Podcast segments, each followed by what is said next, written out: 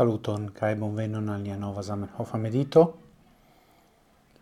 Hodiaŭ mi volas legi kaj mediti kun vi sur uh, mallonga letero de Zamenhof, kiu estis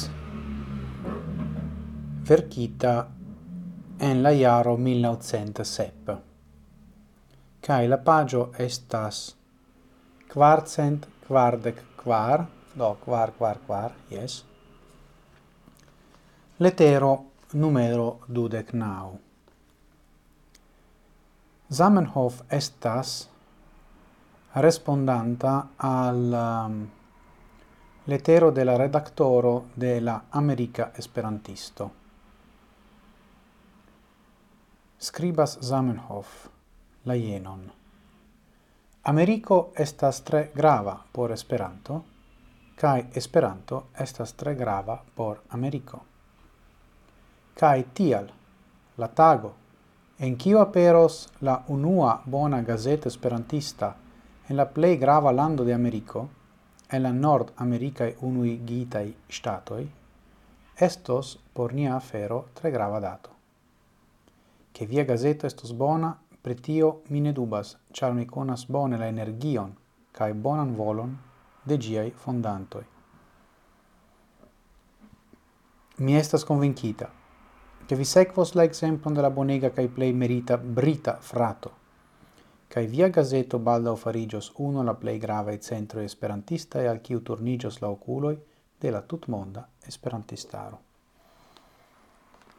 Do estas al mi interesse la maniero in kiu Zamenhof nomas usonon.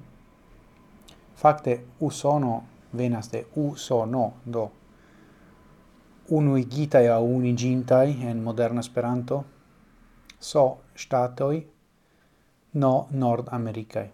Do ancora hodio estas la spuroi de la malnova nomo de de la lando. Kai mi pensis pretio char mi volas inviti vin pripensi pri la geografio de Esperanto, char estas vero. Estas vere che Esperanto ne havas territorion apartan.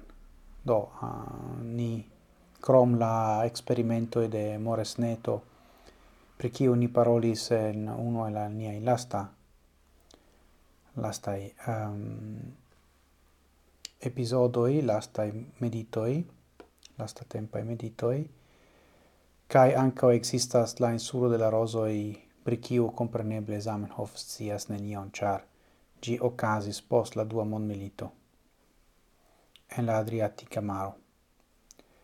Do, a parte, crom tio, ni diru, ne estas fisicae locoi por Esperantujo. Sed tio ne signifas che ne existas geografio. Char, se mi diras al vi Bialistoko, vi tui pensas pri la naskiĝurbo de Zamenhof ekzemple.